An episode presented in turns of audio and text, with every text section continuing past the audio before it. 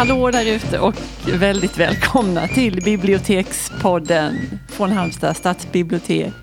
Hej Jeanette!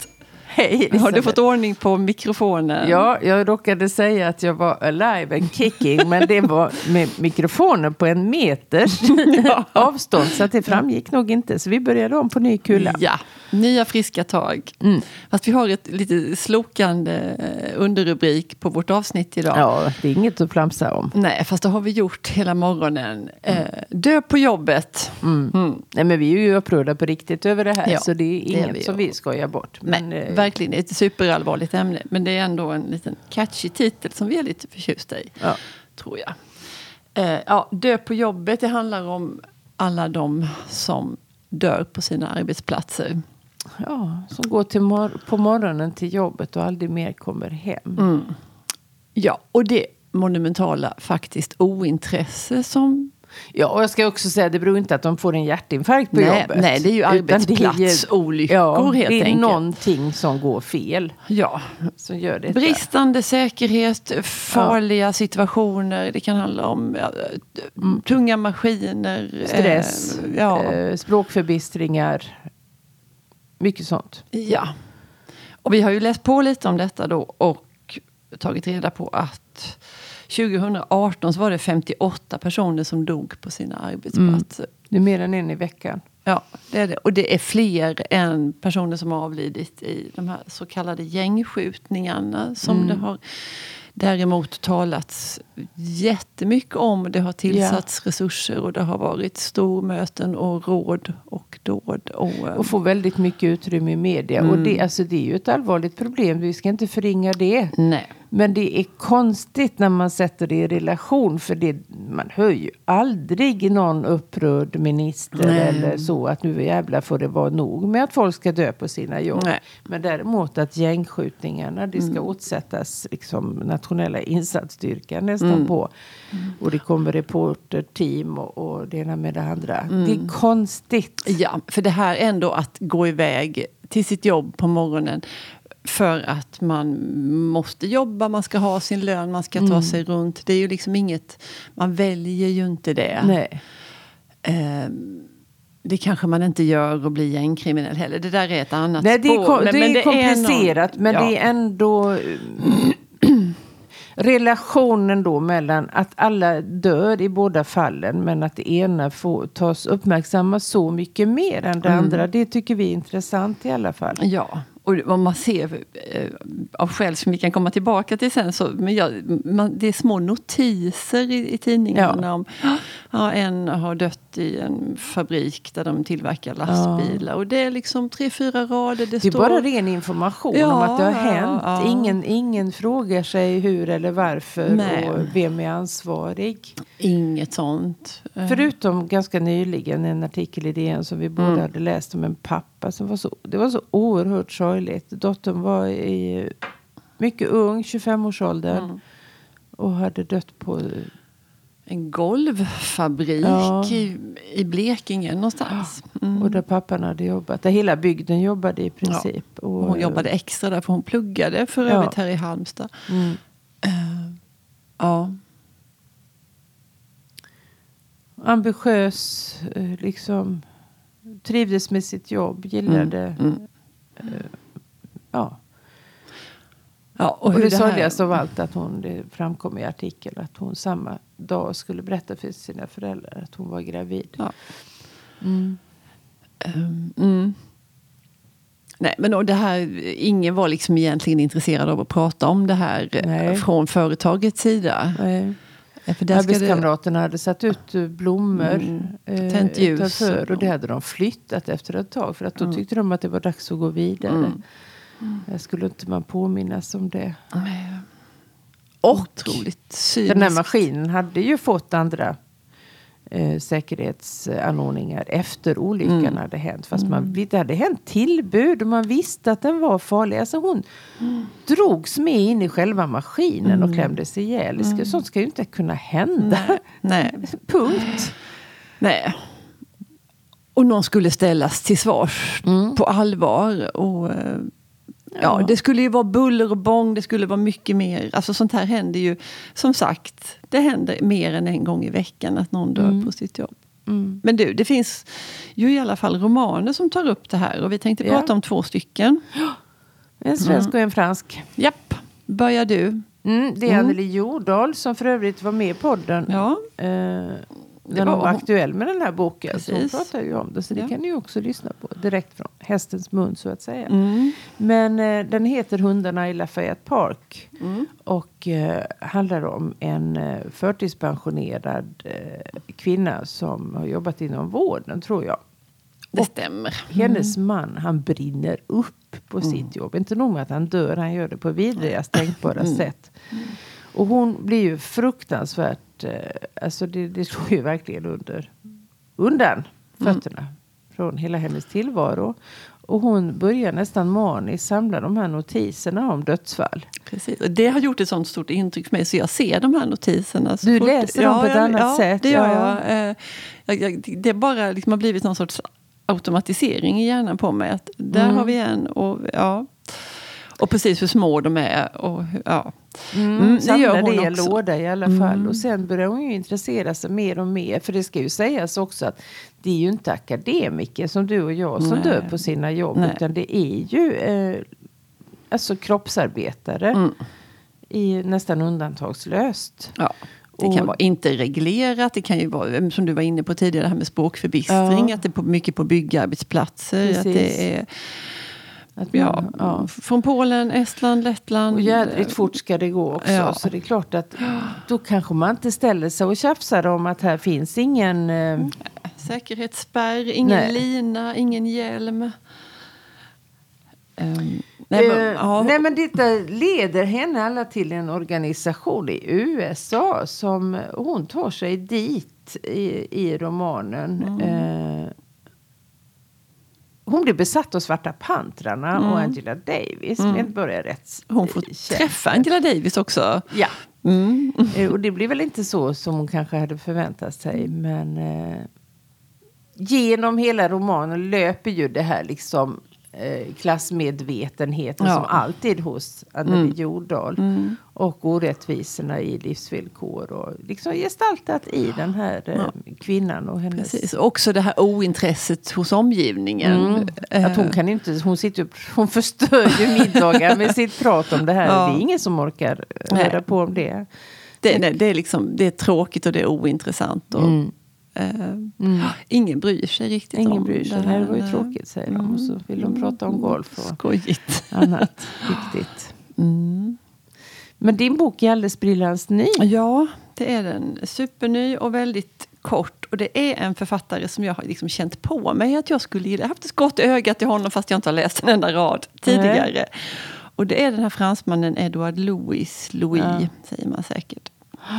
Han är född 92. Han har givit ut tre böcker i ganska tät följd. Göra sig kvitt Eddie Belgull med reservation för uttalet som kom 2015. Som ju var, den blev väldigt uppmärksammad. Den läste jag. Den läste du? Mm. 2016 skrev han Våldets historia. Och den boken som är aktuell idag här i podden det är den som heter Vem dödade min far? Men tänk, han är för, vad sa du, född?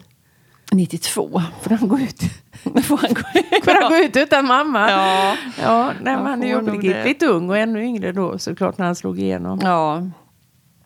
Eh, ja, och en för, alltså den, ska jag höll på att säga att den är föredömligt kort för den är nog typ 90 sidor. Lite för kort för Lite en roman. för Ja. kort. Ja, Alltså jag hade, andra romaner tycker jag är okej, men här Ja, hade men man vill inte läsa ut den på en kafferast. Nej, men och han, det hade, man hade kunnat...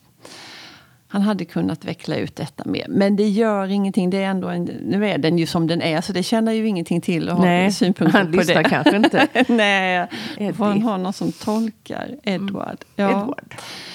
Eh, nej, men han har nu närmat sig, han har komplicerad relation till, och det här är också, det handlar ju också om författaren och hans pappa på riktigt. Ja. Eh, det är inget hittepå. Det gjorde ju redan genombrottsromanen. Ja, Det är ju han. Och Ja. den här otroligt torftiga miljön han växer upp i. Mm, Precis. Sannerligen torftigt. Det är brutalt och det är fattigt. Och där finns också ett kvinnohat i den här miljön som han är, är sprungen ur. Um, I faktarutan så skulle vi också säga att det finns en, en skillnad i medellivslängd. Det här, det här handlar ju om, om utbildning eller inte. Att mm. utbilda sig till ett säkert jobb eller att gå direkt från grundskolan ut i arbetslivet. Att det, I Sverige så skiljer det 18 år i medellivslängd. Um, på de som har akademisk utbildning och de som inte har det. Det är ju väldigt rätt mycket. Över alltså. Rätt över så skiljer det. Men det är ju helt otroligt. Helt otroligt.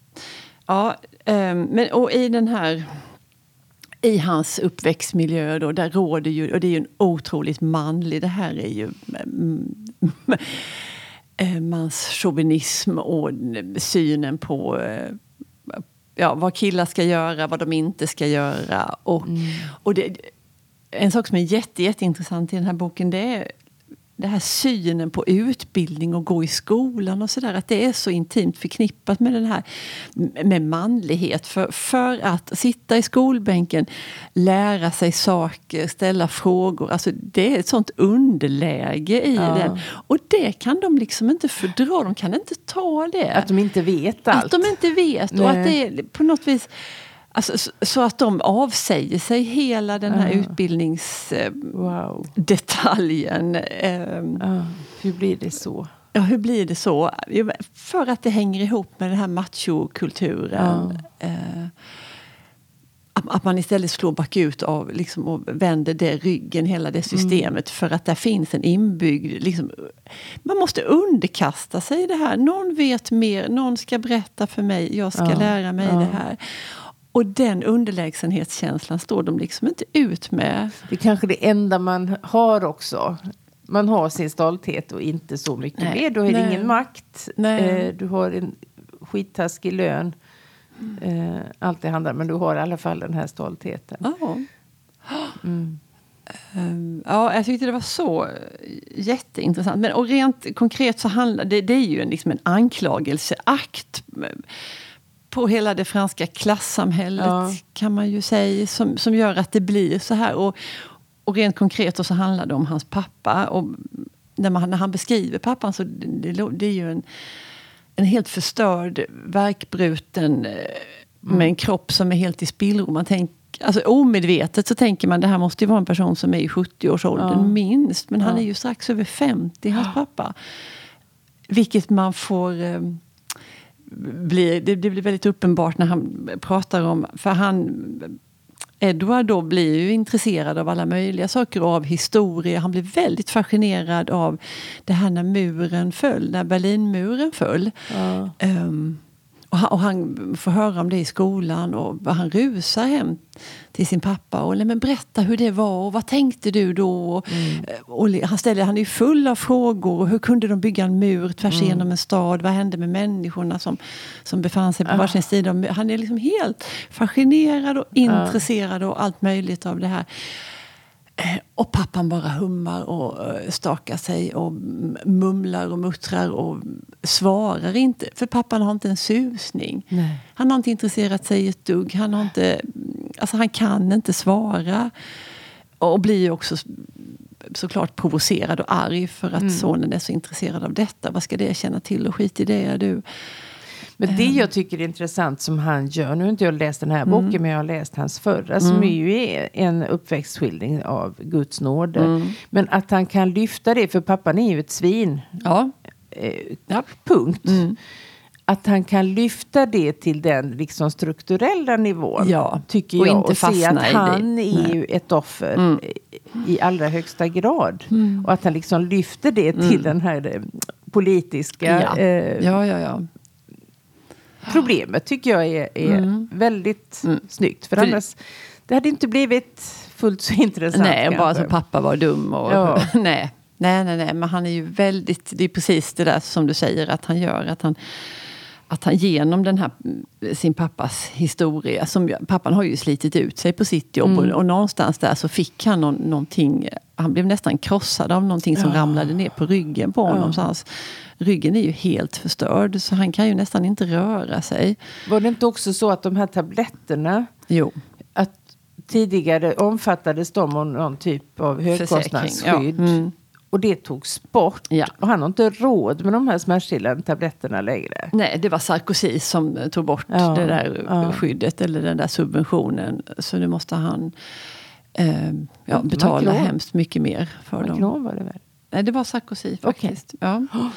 Eh, ja, och, och flera andra i, i denna linje har ju börjat beskatta låginkomsttagare mycket, mycket Mm. mer. Och det har också bestämts i detta franska samhälle att ehm, att han måste, han måste göra något arbete Ja. för att eh, överhuvudtaget få någon, något bidrag eller någon hjälp eller något korvöre. Så denna människa som nästan inte, han kan inte andas riktigt själv utan Nej. han gör det med hjälp av ja, vad det nu är. Och medicinerar starkt som sagt. Och han måste ge sig ut och sopa gator. Eh, för att få de här pengarna som ju redan är, den summan är ju redan mycket liten. Eh, han är ju rasande på alltihopa Ja, detta. jag blir ju ställföreträdande all rasande. Ja. Eh, ja, men en jätte, jätteintressant bok. Mm. Och en ögonöppnare. Sen kan man ju då tänka att allt det här tilldrar sig i- Frankrike. Det är ju på lite lagom avstånd. Mm. Men jag vet inte hur vi har det här riktigt. Nej. Det finns säkert mycket som är applicerbart på vår tillvaro. Absolut. Mm. Nej, men eh, hoppas vi får läsa mer Mm. av eh, Eduard Louis. Louis. Louis. Louis. Ja, Han var med i. Babel, vet Ja, jag. Han ser ju ut som en ängel. Ja. Så, alltså verkligen en änglalik utstrålning. ja. Och gosselik Ja. och, och väldigt intellektuell. Och så är det så svårt att se det här liksom grova Mm. macho-samhället som han är sprungen ur. Mm. Men eh, Ja, honom håller vi ögonen på i fortsättningen. Så även Anneli Jordahl. ja, absolut. Ja. Tack för idag. Tack och hej. Hej.